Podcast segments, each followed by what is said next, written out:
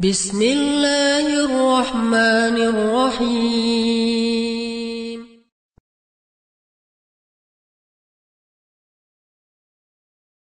السلام عليكم ورحمة الله وبركاته. الحمد لله رب العالمين. أشهد أن لا إله إلا الله وأشهد أن محمد رسول الله. اللهم صل وسلم وبارك على محمد وعلى آل محمد. كما صليت وباركت على آل إبراهيم إنك حميد مجيد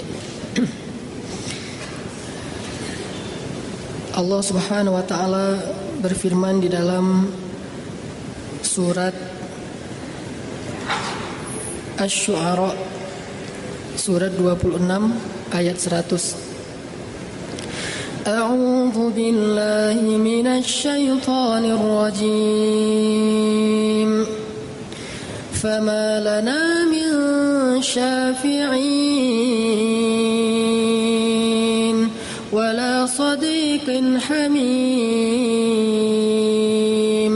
فلو أن لنا كرة فنكون من المؤمنين. آيات ini menceritakan tentang penyesalan orang-orang yang selama di dunia tidak suka bergaul dengan orang soleh. Ketika mereka ditampakkan kepadanya api neraka, ketika mereka masuk ke dalam api neraka, mereka mengatakan, "Fama lana min syafi'in." Hari ini kami tidak punya seorang penolong pun. Wala sadiqin hamim dan tidak punya seorang sahabat pun yang bisa membantu kami. Lalu mereka berandai-andai dengan mengatakan, "Falau anna lana karratan fanakuna minal mu'minin." Seandainya kami bisa kembali ke dunia sekali saja, sebentar saja, kami benar-benar ingin bersahabat dan bergaul sehingga termasuk di antara orang-orang yang beriman. Salah satu kewajiban bagi seorang yang mengaku beriman adalah iman kepada al-ghaib atau iman kepada hari kiamat. Dan beriman kepada hari kiamat bukan saja beriman kepada bahwa hari kiamat itu pasti terjadi. Tetapi kita juga beriman kepada semua adegan-adegan yang dijelaskan Al-Quran dan hadis yang berkaitan dengan hari kiamat. Salah satu adegan itu adalah adegan ketika orang-orang kafir atau orang-orang yang tidak punya sahabat yang solih menyesali kehidupan mereka di dunia yang sia-sia dan mereka mengatakan famalana min syafi'in. Dan ini bukan satu-satunya ayat yang menjelaskan tentang, tentang penyesalan mereka karena mereka tidak punya sahabat yang dekat di antara orang-orang yang beriman selama mereka hidup di dunia. Banyak lagi ayat-ayat yang lain.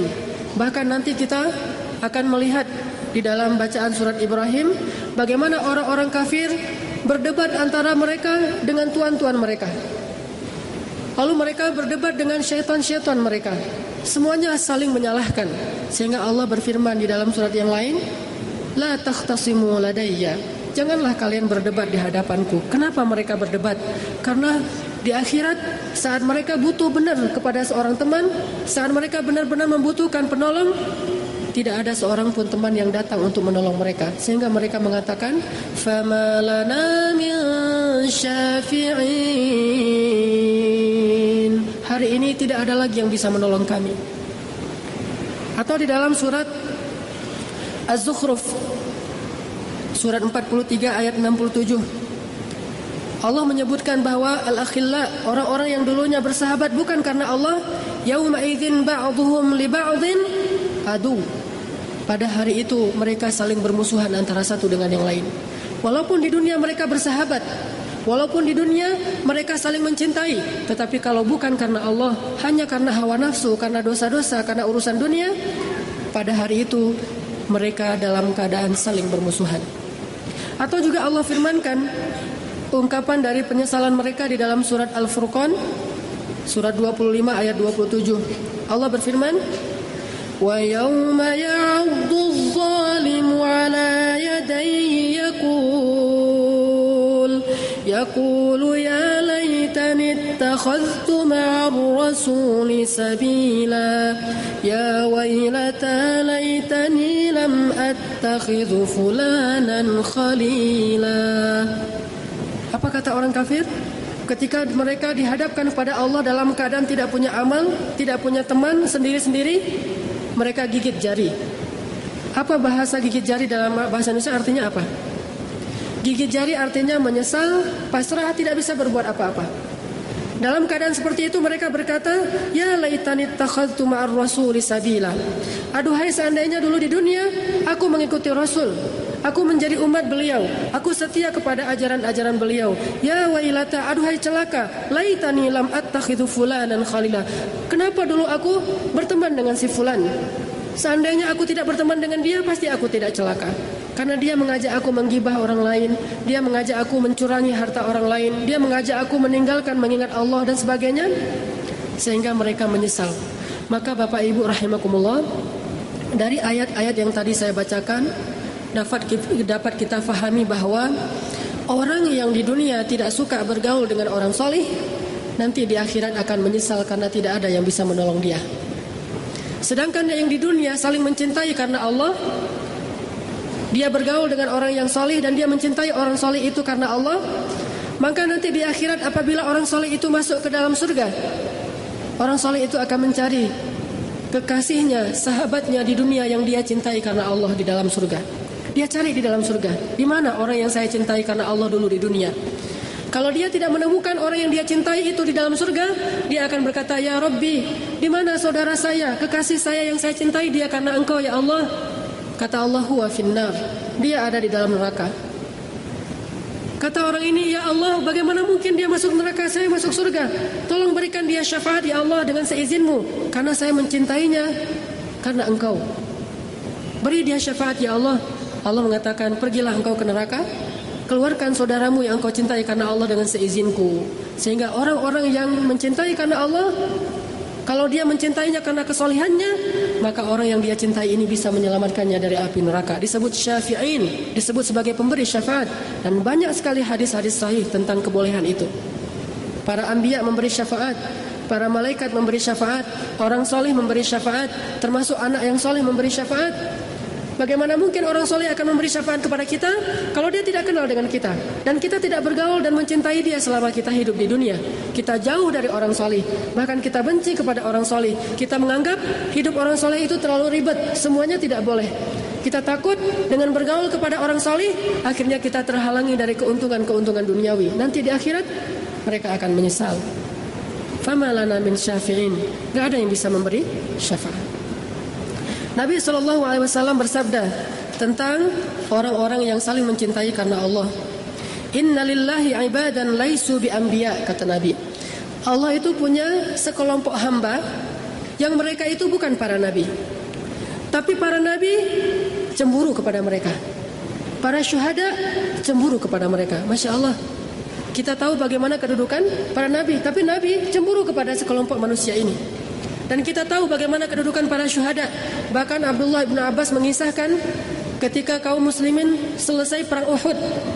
Di sana gugurlah beberapa orang pahlawan Islam di antaranya Hamzah, Mus'ab bin Umair dimakamkan di daerah Uhud. Setelah selesai dimakamkan, kata Ibnu Abbas, selama dua tahun kami mendengar suara azan terdengar dari daerah Uhud. Para syuhada mengumandangkan azan di dalam kuburan mereka. Selama dua tahun berturut-turut kami mendengar mereka mengumandangkan azan. Selama dua tahun berturut-turut kami sering mendengar mereka membaca Al-Quran. Kenapa? Bal ahya inda rabbihim yurzakun.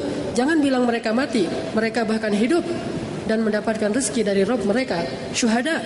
Tetapi walaupun demikian kedudukan para syuhada, tetaplah para syuhada ini cemburu kepada sekelompok hamba Allah yang tadi. Siapa mereka tanya sahabat manhum ya Rasulullah? Siapa mereka ya Rasulullah? Qal Rasulullah bersabda, hum qaumun tahabbau binurillah. Mereka adalah kaum yang saling mencintai dengan cahaya Allah saling mencintai karena syariat Allah, saling mencintai dengan hidayah dan iman yang Allah masukkan ke dalam hati mereka. Lalu Nabi meneruskan, ala ghairi arhamin bainahum wala ansab. Padahal mereka tidak punya hubungan kekerabatan, tidak punya hubungan keturunan, bukan saudara, tetapi benar-benar karena agama Allah. Wujuhuhum nur, wajah mereka cahaya. Wahum ala manabirin minan nur dan mereka Allah tempatkan di atas mimbar-mimbar cahaya. La yakhafuna idza yakhafun nas wa la yahzan idza hazinan nas. Mereka tidak merasa takut ketika orang-orang pada ketakutan dan mereka tidak merasa sedih ketika yang lain dalam kesedihan. Siapa mereka? Tahabbau fillah. Ta'akha fillah. Saling mencintai saling bersaudara karena Allah Subhanahu wa taala. Ada seorang sahabat datang kepada Rasul bilang ya Rasulullah saya kalau tidak bertemu dengan engkau sehari saja saya panas tinggi, demam. Gak ketemu Rasul sehari, panas badannya. Sehingga saya datang kepadamu, lalu turunlah panas saya. Lihat, subhanallah, cinta yang luar biasa kepada Rasulullah. Kalau nggak ketemu Rasulullah sehari, panas badannya. Tapi kalau sudah ketemu, turun panasnya. Ini di dunia Rasul. Saya bisa mencari engkau dan bertemu. Tapi bagaimana nanti di akhirat ya Rasul? Dia nangis. Bagaimana ya Rasul jika saya rindu kepadamu di akhirat? Sementara saya tahu kedudukanmu begitu tinggi dan saya tidak tahu di mana tempat saya di akhirat. Apa kata Rasul? Anta ma'aman ahbabta. Engkau di akhirat tempatmu bersama dengan orang yang engkau cintai. Kata para sahabat ini hadis yang paling kami suka. Hadis yang paling kami suka. Kenapa? Kita akan ditempatkan di dalam surga bersama orang yang kita cintai. Ini bisa menjadi berita gembira, bisa pula menjadi peringatan bagi kita. Berita gembiranya apa? Kalau seandainya kita mencintai orang-orang salih, kita akan bersamanya nanti di surga. Tapi kalau yang kita cintai adalah pemain bola, yang kita cintai adalah artis, yang kita cintai pemain film dan sebagainya, maka kita bersama mereka juga entah di mana tempatnya di akhirat nanti. Nauzubillah min dzalik. Maka cintailah orang-orang yang dicintai Allah Cintailah orang-orang salih sehingga Ali bin Abi Thalib mengatakan, "Aktsiru minal ikhwan fa innahum uddatun fid dunya wal akhirah." Perbanyaklah saudara-saudara karena Allah. Cintai mereka. Bahkan katakan kepada mereka, "Ana uhibbuka fillah." Ini yang dikatakan Rasulullah kepada seorang sahabat. Ada sahabat datang ke Rasul, duduk, tiba-tiba datang orang lain yang sholat di situ. Kata sahabat ini, "Ya Rasul, aku mencintai si fulan itu karena Allah." Kata Rasul, dia udah tahu belum? Kata dia, belum ya Rasul, saya belum bilang ke dia. Kata Rasul bilang ke dia. Apa bilangnya gimana? Ana uhibbuka fillah. Saya mencintaimu karena Allah. Kemudian dia menjawab, ahabbakallah bima ahbabtani fi. Benar Syekh Yazid? Semoga Allah mencintaimu sebagaimana engkau mencintaiku karena Allah. Maka sunnah Nabi apabila kita mencintai seseorang karena Allah katakan kepada dia. Cuma yang kayak gini-gini nih nggak tren di Indonesia. Sehingga kesannya kalau seorang laki-laki bilang kepada laki-laki lain, aku mencintaimu karena Allah, itu aneh. Bahkan kita ada perasaan gak enak gitu. Wah ini homo atau gay atau segala macam. Enggak. Kita yang terlanjur punya mindset negatif. Sedangkan kalau ada laki-laki bilang I love you kepada perempuan yang bukan mahramnya, kita anggap itu biasa. Padahal itu yang gak benar. Maka kita mencari saudara lebih banyak. Di sini saya senang bertemu dengan beberapa para hafiz termasuk Syekh Yasin di malam pertama saya sholat di Al-Murabi, saya merasa sangat bahagia bisa sholat di belakang Syekh Yasin. Saya rindu ketemu dengan beliau kembali. Kenapa? Karena saya melihat kesolehan pada diri beliau secara zahir dan saya mencintai beliau karena Allah Subhanahu wa taala. Dan ini yang harus kita perbanyak. Harus banyak jumlah orang yang kita cintai karena Allah di dunia. Jangan cuma mencintai orang dalam urusan-urusan dunia saja. Cintailah dia karena Allah. Dia akan menjadi penolong kita nanti di akhirat atau kita yang menolong dia di akhirat atau saling menolong nanti di akhirat. Sehingga Rasulullah SAW bersabda, "La tusahib illa mu'mina." Janganlah kalian berteman kecuali dengan orang yang beriman. Ada satu kisah yang luar biasa. Kata Imam Syafi'i dalam syairnya. Kemudian syair Imam Syafi'i ini dibalas oleh Imam Ahmad apa kata Imam Syafi'i? Uhibbus salihin walastu minhum la'alli an anala bihim syafa'ah. Wa akrahu man tijaratuhu al-ma'asi walau kunna sawa'an bil bida'ah. Apa kata Imam Syafi'i? Aku suka sekali, cinta sekali kepada orang salihin. Walaupun aku tidak termasuk di antara mereka. Semoga aku kelak bisa mendapatkan syafaat dari mereka. Ini Syafi'i yang mengatakan, imam kita, salah satu mazhab yang terbesar di Indonesia, maka sahihlah bahwa orang-orang soleh itu bisa memberi syafaat. Aku mencintai orang soleh walaupun aku tidak termasuk di antara mereka. Dan aku berharap nanti aku bisa mendapatkan syafaat dengan mereka di akhirat. Dibalas oleh Imam Ahmad. Apa kata Imam Ahmad? Tuhibbus solehin wa anta minhum. Engkau mencintai orang saleh padahal engkau termasuk orang saleh. Lihat tawaduknya Imam Syafi'i dan begitu menghargainya Imam Ahmad kepada Imam Asy-Syafi'i. Kemudian kisah dua orang yang saling mencintai karena Allah dan saling mengunjungi ada dua orang. Yang pertama sedang sholat di masjid. Kekasihnya, sahabatnya datang mengunjunginya ke masjid karena udah beberapa lama, udah berminggu-minggu nggak ketemu. Akhirnya dia datang, pengen ketemu, udah lama nggak ketemu, kangen. Datang ke masjid, Pas sampai di masjid dilihat orang itu lagi sholat. Ditunggu di dalam masjid ditungguin. Kok sholatnya nggak selesai-selesai? Panjang sekali sholatnya. Akhirnya yang tadi menunggu ikut sholat juga sendiri-sendiri, sholat sunnah, dia sholat juga sampai tengah malam lewat sampai subuh. Akhirnya mereka sholat subuh, selesai subuh orang ini pergi karena punya hajat yang penting, tidak saling bertegur sapa. Cuma datang aja pengen lihat, pengen tahu wajahnya karena kangen layaknya seorang kekasih yang ingin mengetahui kekasihnya. Ngelihat aja dari jauh sudah mengobati rin, rindu. Begitulah kekasih karena Allah Subhanahu wa taala. Di zaman sahabat yang kayak gini banyak. Salah satu contohnya adalah cintanya Abu Bakar kepada Bilal bin Rabah. Atau cintanya Abu Huzaifah kepada Salim. Salim ini hamilul Quran. Atau cintanya Umar kepada Abu Bakar. Sehingga ketika Abu Bakar sudah wafat Umar sering rindu kepada Abu Bakar. Apa kata Umar kalau rindu kepada Abu Bakar? Rahimallahu Abu Bakar rahimallahu Abu Bakar aku rindu banget kepada Abu Bakar. Semoga Allah merahmati Abu Bakar. Semoga Allah merahmati Abu Bakar menunjukkan mereka saling mencintai karena Allah. Dan salah satu yang dilakukan Nabi di awal-awal ketika beliau hijrah ke Madinah selain membangun masjid adalah mentaakhi mempersaudarakan filah antara Aus dengan Khazraj Ansar dengan Muhajirin. Ini semuanya adab dalam Islam. Perbanyak saudara-saudara karena Allah. Dan saya senang apabila menemukan seorang pemuda yang biasanya pemuda itu megang gitar. Ini megang Al-Quran. Saya mencintai mereka karena Allah. Tapi ini hanya untuk khusus laki-laki dengan laki-laki, perempuan dengan perempuan. Jangan sampai ibu-ibu bilang ke saya, Ustaz Hanan, saya mencintaimu karena Allah itu nggak boleh. Ada yang di Google juga nulis, saya senang ngimamin apa di imamin Ustaz Hanan. Lama-lama juga nggak masalah, biarin aja suami saya cemburu. Itu nggak boleh. Ada yang nulis seperti itu, ini jadi fitnah nanti suara saya. Mending saya datarin aja iramanya biar nggak terlalu jadi fitnah gitu kan?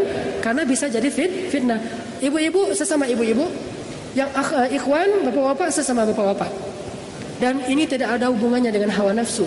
Semua ini soal iman kepada Allah Subhanahu wa taala. Bahkan salah satu di antara tujuh golongan yang mendapatkan naungan Allah di hari ketika tidak ada pohon, tidak ada zilal, tidak ada bayangan, tidak ada yang menutupi kita dari cahaya matahari kecuali zilal dari Allah. Yauma la zilla illa zilluh.